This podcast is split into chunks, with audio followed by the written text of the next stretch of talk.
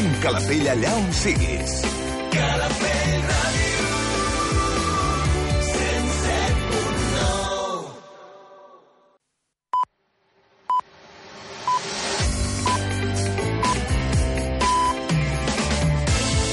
Calafell Ràdio. Són les 8. Escolta'ns a Calafell Ràdio, al 107.9 de la FM. Mira'ns al web calafell.tv. Porta'ns allà on vagis. Connecta't a la nostra aplicació. Sent Calafell allà on siguis. Calafell Ràdio. 107.9 L'Hora del Jazz. Un programa que t'apropa als millors compositors i les obres del gènere més rellevants. Ramon Robuster dirigeix i presenta L'Hora del Jazz, els dimecres de 8 de la tarda a 10 de la nit, amb repetició els diumenges a partir de les 11 de la nit.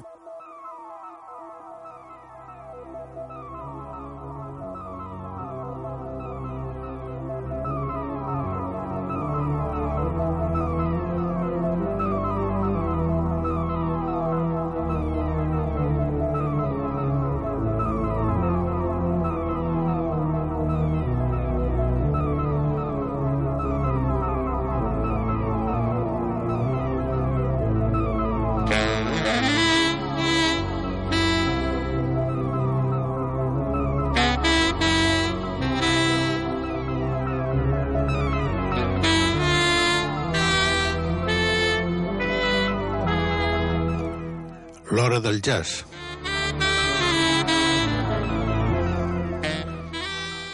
L'Edu al control i, com sempre, Ramon Robuster amb els guions i el que us parla.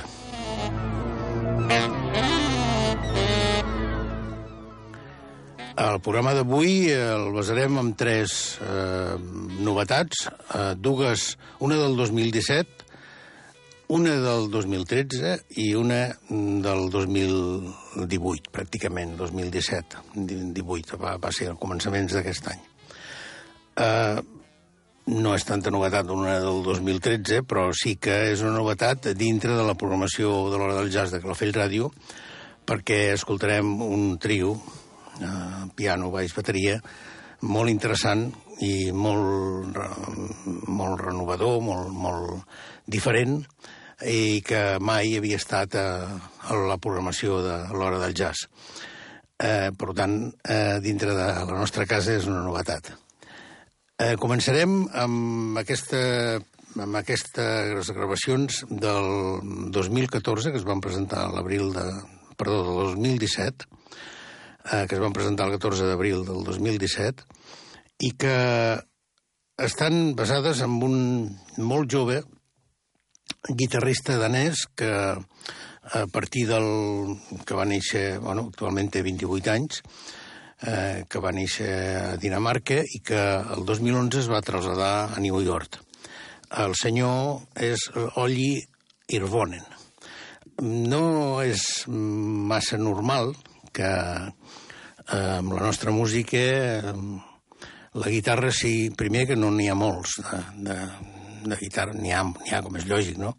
Però no n'hi ha molts que amb aquesta joventut eh, facin composicions i, i, i treguin discos com aquest que escoltarem.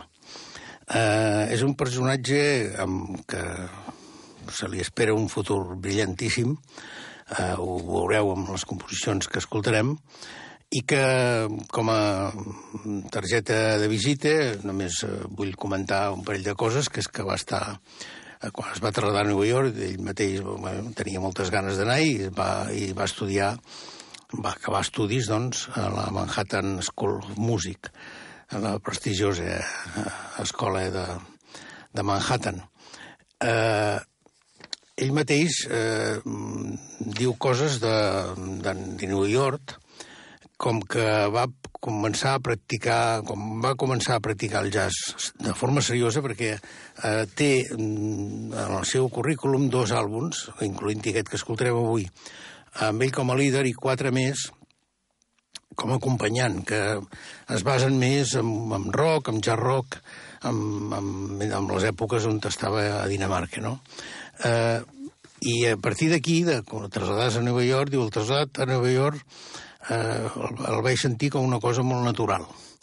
Eh, diu, definitivament és una ciutat molt difícil de viure, eh, que, que això ho diu que ho pot dir qualsevol músic, però la gent d'aquí està disposada a fer sacrificis i rebutjar una vida confortable per una recerca d'una altra cosa.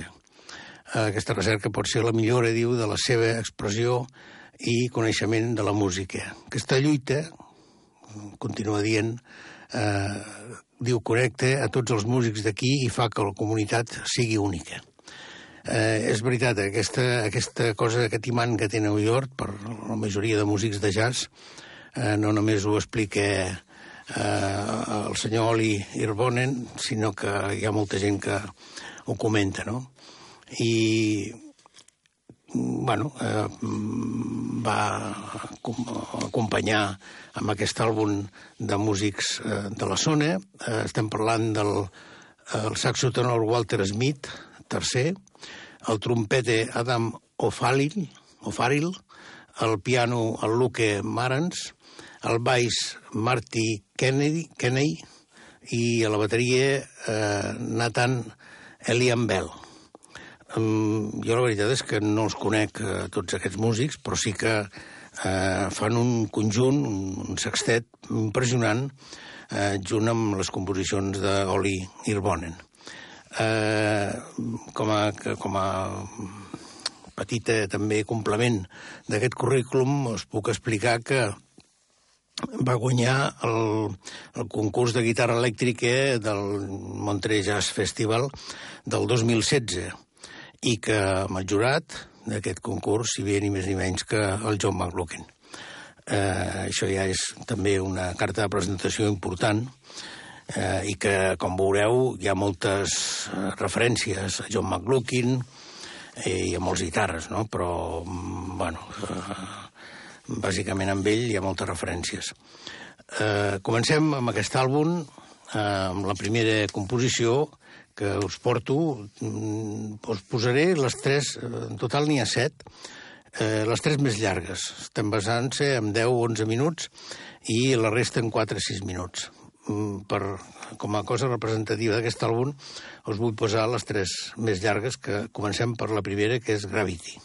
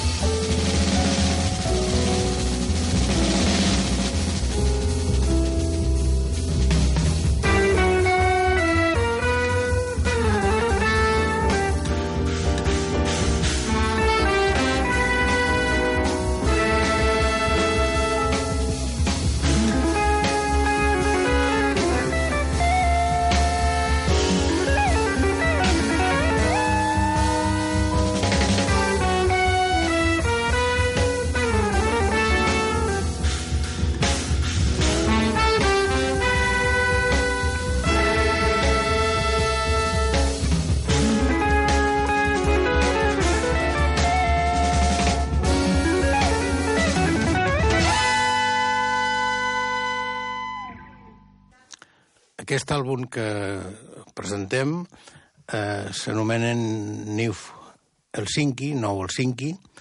Estem parlant de la discogràfica Editions Records.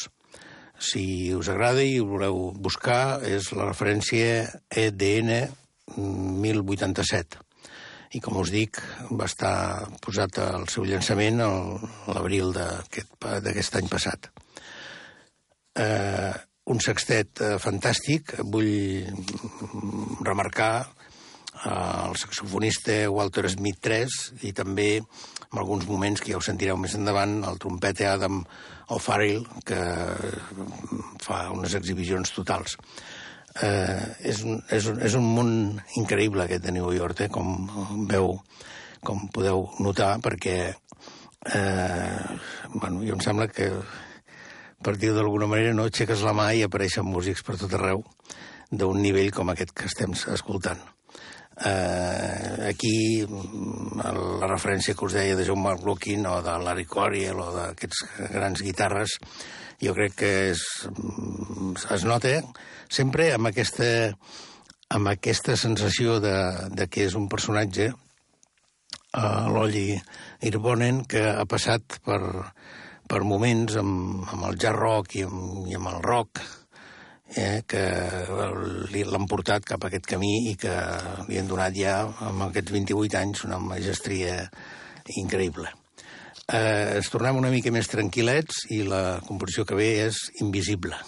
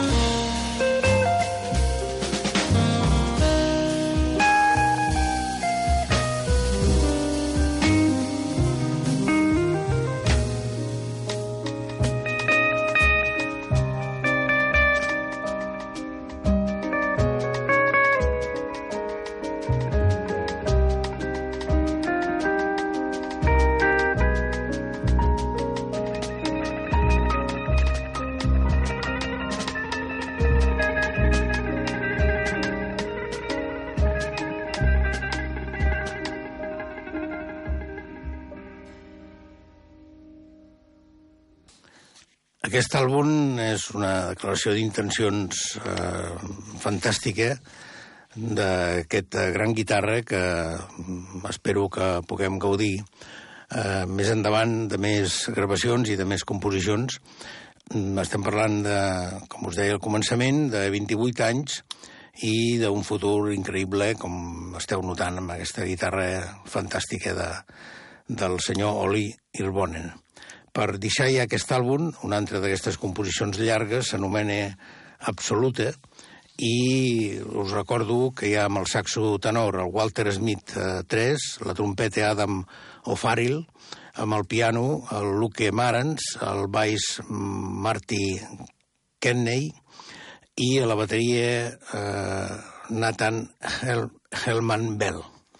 Hi ha una coherència important amb tot aquest sextet que acompanya l'Oli Irbonen mm, i, a més a més, hi ha, hi ha tothom té el seu espai, no? tothom té els seus moments amb els seus solos i amb aquesta última composició veureu també el trompeter, el trompeter Adam O'Farrell de forma increïble. Sentim, doncs, absoluta.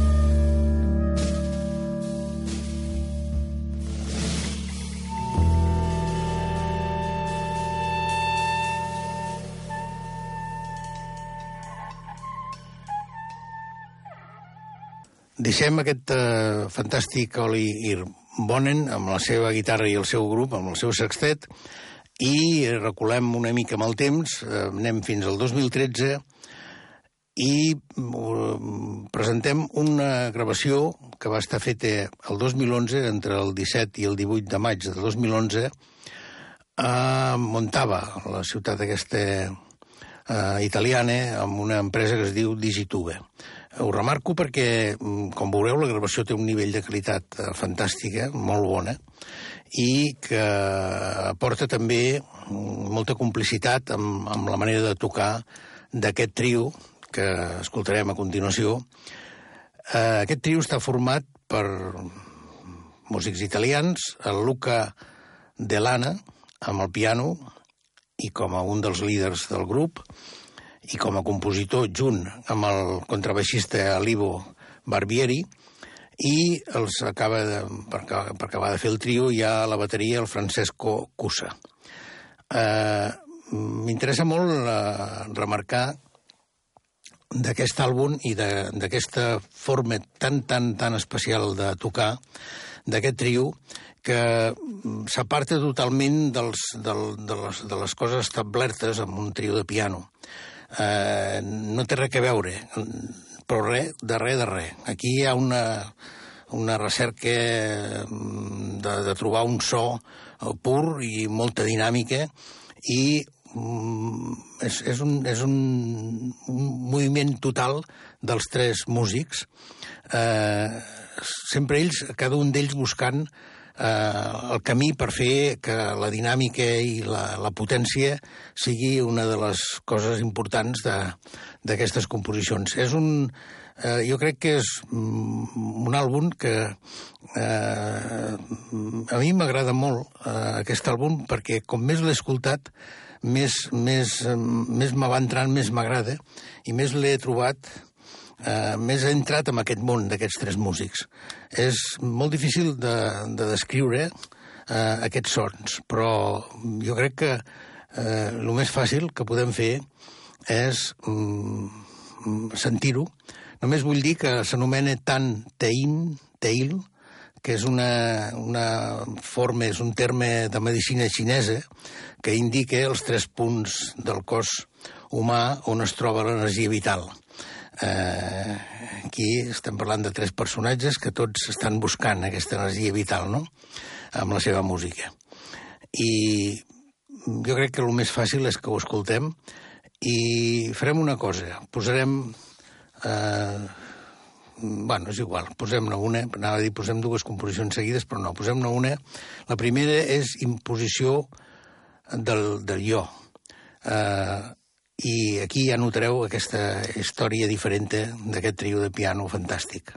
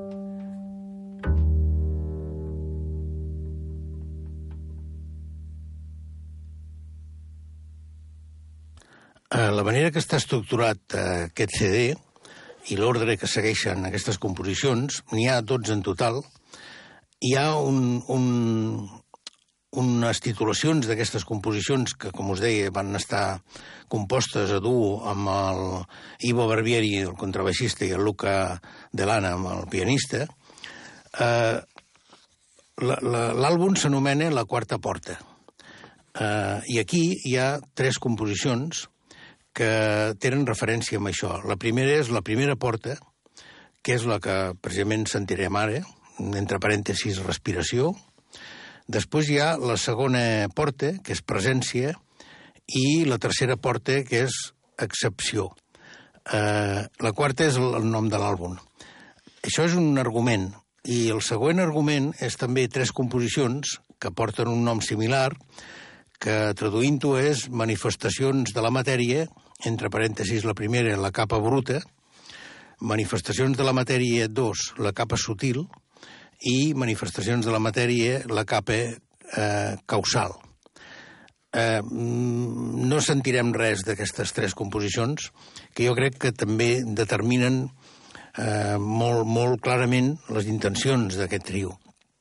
El que passa que eh, mm, el temps eh, que tenim, que disposem, tot i que és molt llarg, però mm, m'ha semblat que aquestes tres les deixarem a banda. Si us interessa aquesta música, si teniu interès per aquest trio, eh, gaudireu molt d'aquestes tres manifestacions de la matèria. Eh, són peces extraordinàries. Però jo no he volgut portar-les aquí al programa, sinó que eh, posarem altres coses que també, de, que entremig van escalonant aquestes tres composicions. La, la primera porta, la segona i la tercera, i les manifestacions de la matèria. Entremig hi ha altres composicions que sí que escoltarem. Però sí que de la, de la, del trio aquest de la primera porta, segona i tercera, escoltarem la primera, que és la que ve a continuació, la respiració.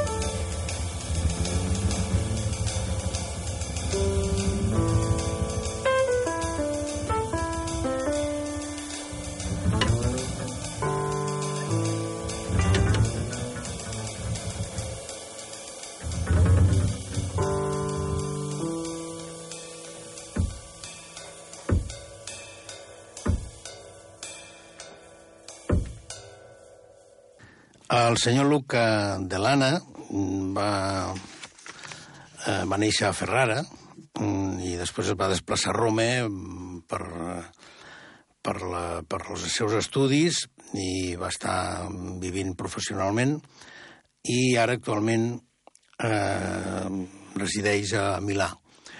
Eh, estem parlant de 42 anys, jo insisteixo sempre a l'hora del jazz de Calafell Ràdio, si us interessa el currículum personal de cada un dels músics, tindreu una informació brutal a la red i no vull...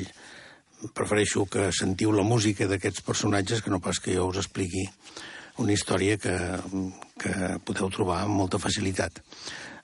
Eh, esteu notant aquestes diferències increïbles que us deia mm, sembla mm, un, un jazz diferent, sembla un jazz mm, molt modern, però jo crec que mm, no deix d'estar dintre d'uns cànons, perquè en aquests hi ha moments en què apareix un swing increïble, hi ha moments en què aquestes notes lentes, eh, tranquil·les, però amb una duresa brutal com, com correspon eh, amb un instrument de percussió com és el piano, eh, fa que puguem tirar enrere molts anys eh, i trobar referències, no?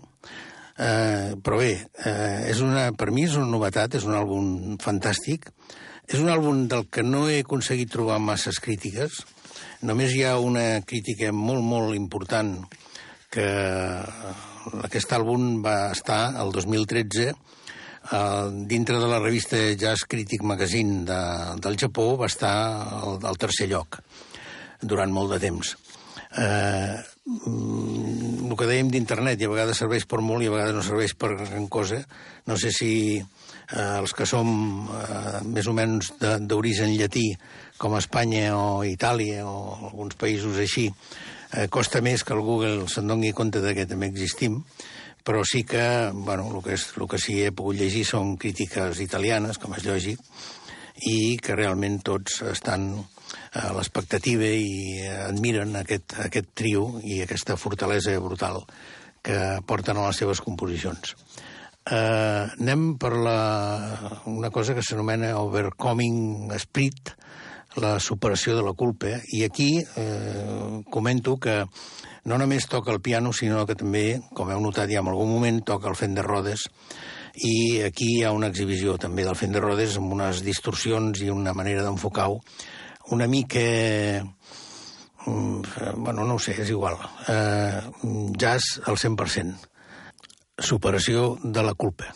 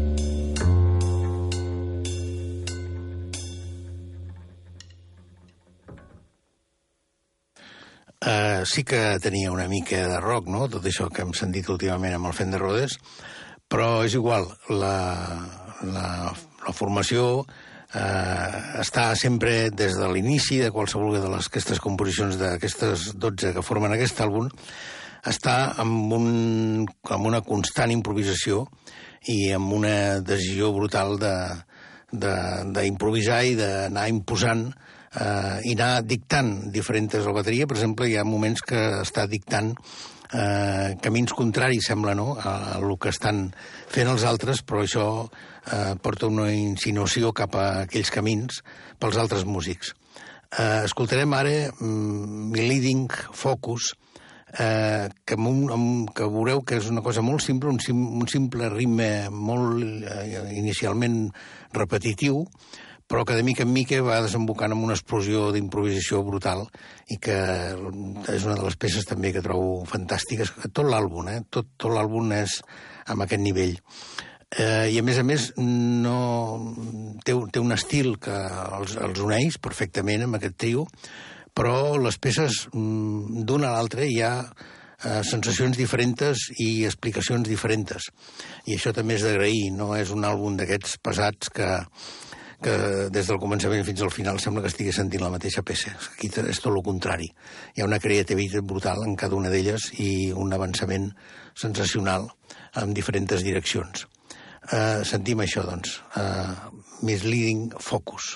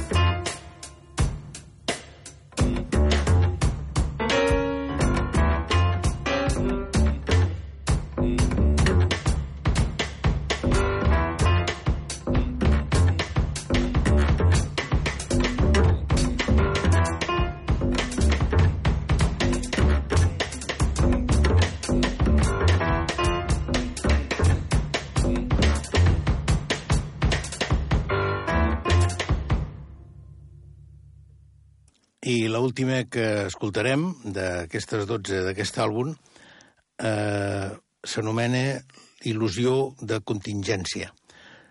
Eh, L'edició d'aquest àlbum és d'una discogràfica que s'anomena Improvisatore Involuntario i té com a número de referència 11031. Eh, la portada és molt especial, la podeu veure, aquestes portades, com sempre, al Facebook de meu, de Ramon Robuster, i també de Calafell Ràdio, eh, que ja us donen una imatge una mica de per on va la cosa, amb una, amb una explicació de lo que podeu sentir en cada un dels programes.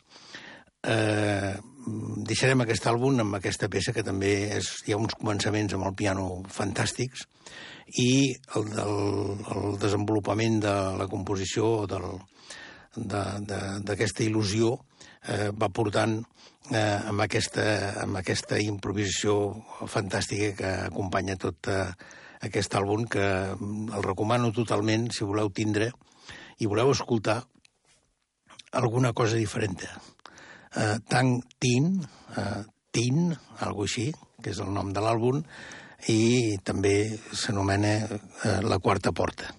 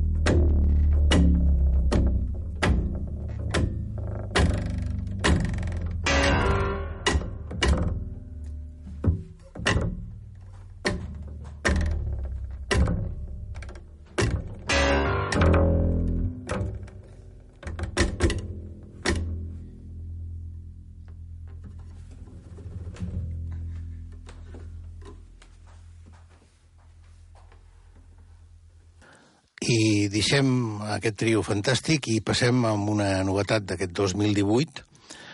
Eh, van ser unes gravacions fetes el juliol del 2017 i és un àlbum que esperàvem des de feia temps, eh, des de feia sis anys, bàsicament, perquè fa sis anys que John Surman no fa cap gravació per ECM. Aquesta és molt, molt bona, molt interessant. Eh, a mi, John Surman, jo sóc un fan total d'ell. Eh, només que us puc comentar que la sintonia que ha acompanyat aquests, tots aquests anys l'hora del jazz de Calafell Ràdio és una composició d'ell del, de l'àlbum d'Amazing Aventures de Simon Simon. Eh, amb, amb ell i el Jack de Jonets, a duo, Eh, és un àlbum d'ECM també del 1981 i la peça aquesta que teniu de sintonia és dins, s'anomena eh, dins dels salons de Neptú. Eh, eh, jo crec que no, no, no, no ho puc assegurar al 100%, però crec que amb aquests 30, 33 anys que portem de programes, eh, jo crec que hem posat pràcticament tot el que si no tot, quasi tot el que ha editat i que ha sortit al mercat de John Surman. I bé, aquesta peça nova, eh, que s'anomena que Invisible de Tears, eh, la teníem de, de tindre immediatament, fa molt poc que ha sortit, i així està.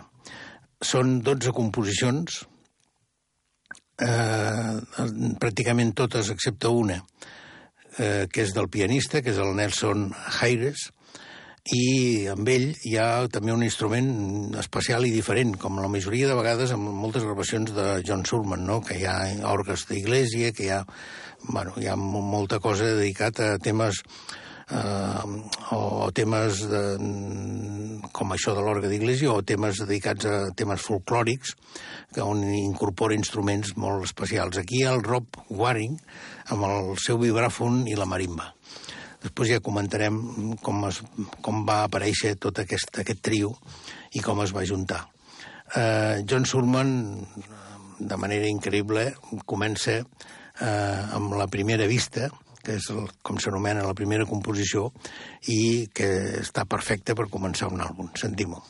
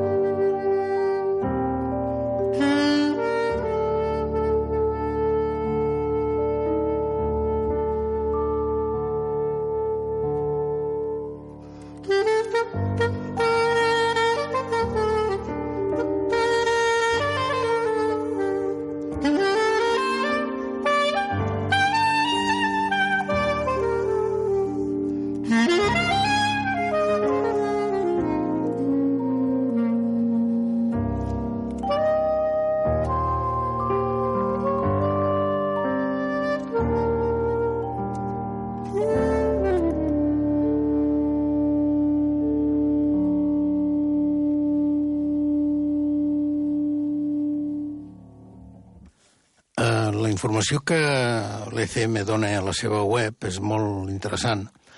Al moment que tens un àlbum nou d'ells, eh, entrar en aquesta pàgina està molt ben dissenyada, tot i que va estar un temps eh, que hi havia els seus problemes, però últimament està bastant ben dissenyada.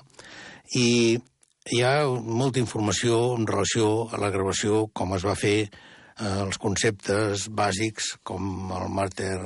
bueno, en fi, eh, una, us llegiré un petit pàrraf que he trobat en aquesta web, que és que diu que el John Surman es va reunir amb el pianista el, el, que l'acompanya, en aquesta ocasió el Nelson Heires, eh, que és un conegut eh, dels, dels, del jazz brasiler perquè ha acompanyat a Ayrton Moreira, el Milton Nascimento o la banda de Paul Brasil i mentre ell viatjava per l'Amèrica del Sud el va conèixer, no? Eh, després a Oslo va conèixer el Rob Warning, que és aquest vibrafonista nord-americà que viu a Oslo, eh, que va, va estar, bueno, estar veient allà, i bueno, van crear un enllaç i al cap d'un temps sense massa preparació i sense haver pogut ensejar pràcticament res, eh, es van trobar a Oslo i amb una, una, dos dies abans van fer unes petites sessions d'enregistrament i van tocar i a continuació ja va sorgir tot aquest àlbum. Eh, és, és també singular perquè perquè les composicions que hi ha, dues d'elles van sorgir en aquells moments, no? Eh, bueno, seguim amb aquesta música fantàstica de John Surman i la que ve és uh, Autumn Nocturne, Nocturn a la tardor, i veureu com el, amb el seu soprà, que, com sempre, John Surman toca el baríton i el baix clarinet i el soprano. I eh, amb el soprà aquí hi ha un començament del, del pianista d'una manera bueno, el que marca la, la, el nom de la composició, no? una manera fosca, tranquil·la, apagada, i entra a continuació el vibrafonista i quan entra el soprà de Surman la cosa es torna més lleugera i es va tranquil·litzant, no? És una composició maquíssima. Nocturn a la tardor.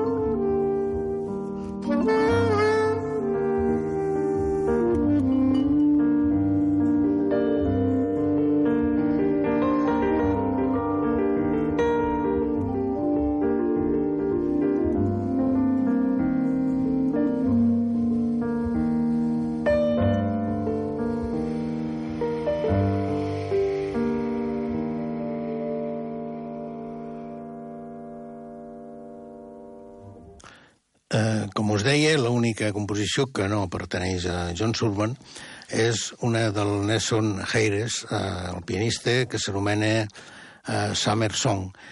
Eh, és una composició que ja havia, ja havia format part d'altres moments amb gravacions d'ECM, però aquí hi ha una interacció total del trio mm, fantàstica i jo crec que valia la pena portar-la també com a representativa d'aquest àlbum. Uh, Summer Songs.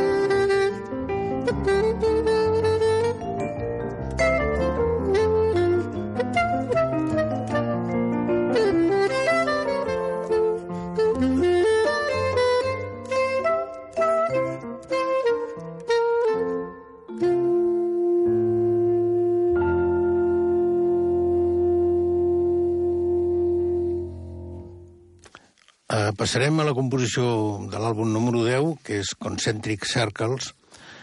Eh, aquí veureu que cada músic fa un estudi per convertir eh, eh, la geometria, aquesta dels cercles, no?, eh, en música, amb uns sons repetitius que van donant aquests toms amb aquests cercles i, bueno, i al fons el baríton de John Surman, que sempre hi ha aquests moments que sap fer només John Surman, que és eh, portar el baríton com a fons, aquest instrument que maneja d'una manera fantàstica, els, el so de Surman amb el baríton és, eh, bueno, manté totalment atrapat, no?, eh, hi ha moments que quasi sembla que no, no sigui un baríton, sinó que la, entre la fusta i el, i el seu poder d'expressió de, meravellós eh, li porten... Bueno, jo, això és únic, Surman, no?, amb aquest tema. I aquí ho notareu. Eh, Concertil Cercles.